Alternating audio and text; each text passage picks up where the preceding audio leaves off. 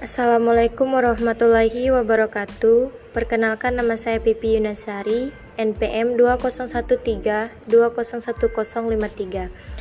Berasal dari Universitas Muhammadiyah Bengkulu, Fakultas Ilmu Kesehatan, Program Studi Kesehatan Masyarakat semester 2. Baiklah, di sini saya akan membuat podcast yang berjudul Integrasi Nasional. Adapun pengertian dari integrasi nasional adalah suatu proses penyatuan atau pembaruan berbagai aspek sosial budaya, etnisitas, latar belakang ekonomi ke dalam kesatuan wilayah dan pembentukan bangsa yang harus dapat menjamin terwujudnya keselarasan, keserasian, dan keseimbangan dalam mencapai tujuan bersama sebagai suatu bangsa.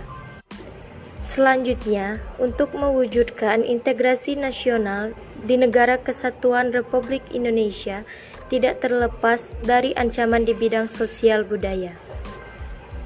Selain ancaman terhadap integritas nasional di bidang sosial budaya, juga terdapat ancaman di bidang ideologi, politik, ekonomi serta pertahanan dan keamanan. Integrasi sosial budaya Ancaman yang berdimensi sosial budaya dapat dibedakan atas ancaman dari dalam dan ancaman dari luar. Berikut ini penjelasannya. Yang pertama, ancaman integrasi sosial budaya dari dalam. Ancaman terhadap integrasi nasional bidang sosial budaya dari dalam didorong oleh faktor-faktor sebagai berikut. 1. Isu kemiskinan 2. Isu kebodohan 3. Isu keterbelakangan 4. Isu ketidakadilan Isu-isu tersebut dapat menjadi titik pangkal timbulnya permasalahan dalam bangsa Indonesia, antara lain separatisme, terorisme, kekerasan, dan bencana akibat perbuatan manusia. Dengan adanya isu-isu yang menjadi faktor pendorong ancaman terhadap integrasi nasional tersebut akan mengancam persatuan dan kesatuan bangsa, nasionalisme dan patriotisme. Selanjutnya, saya akan menyampaikan ancaman integrasi sosial budaya dari luar. Penyebab ancaman terhadap integrasi sosial budaya dari luar adalah pengaruh negatif globalisasi. Berikut ini beberapa pengaruh negatif globalisasi terhadap integrasi sosial budaya. Pertama, munculnya gaya hidup konsumtif. Dampak negatif globalisasi adalah munculnya gaya hidup konsumtif dan selalu mengonsumsi barang-barang dari luar negeri. Yang kedua, munculnya sifat hedonisme.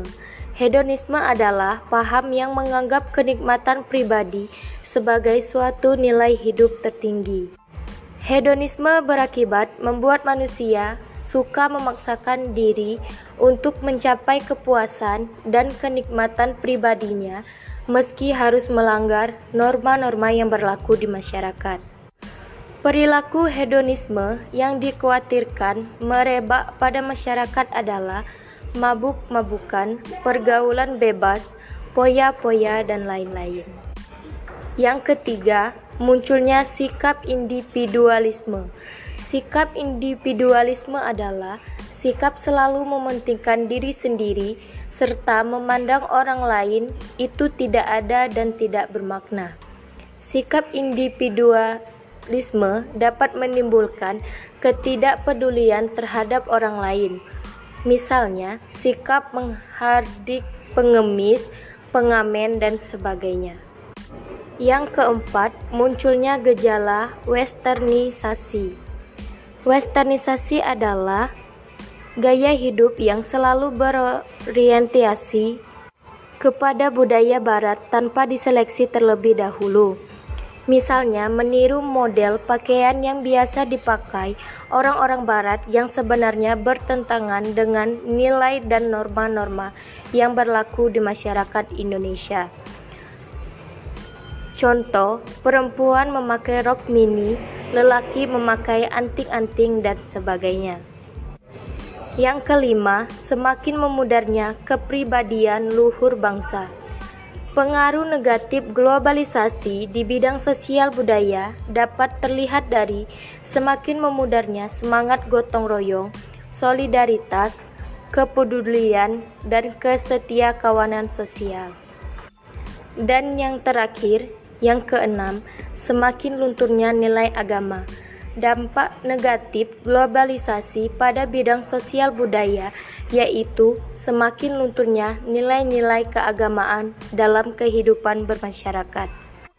Baiklah, itu saja podcast yang dapat saya sampaikan tentang ancaman integrasi nasional di bidang sosial dan budaya. Jika terdapat kesalahan, dan kesalahan kata saya mohon maaf. Saya akhiri. Wassalamualaikum warahmatullahi wabarakatuh.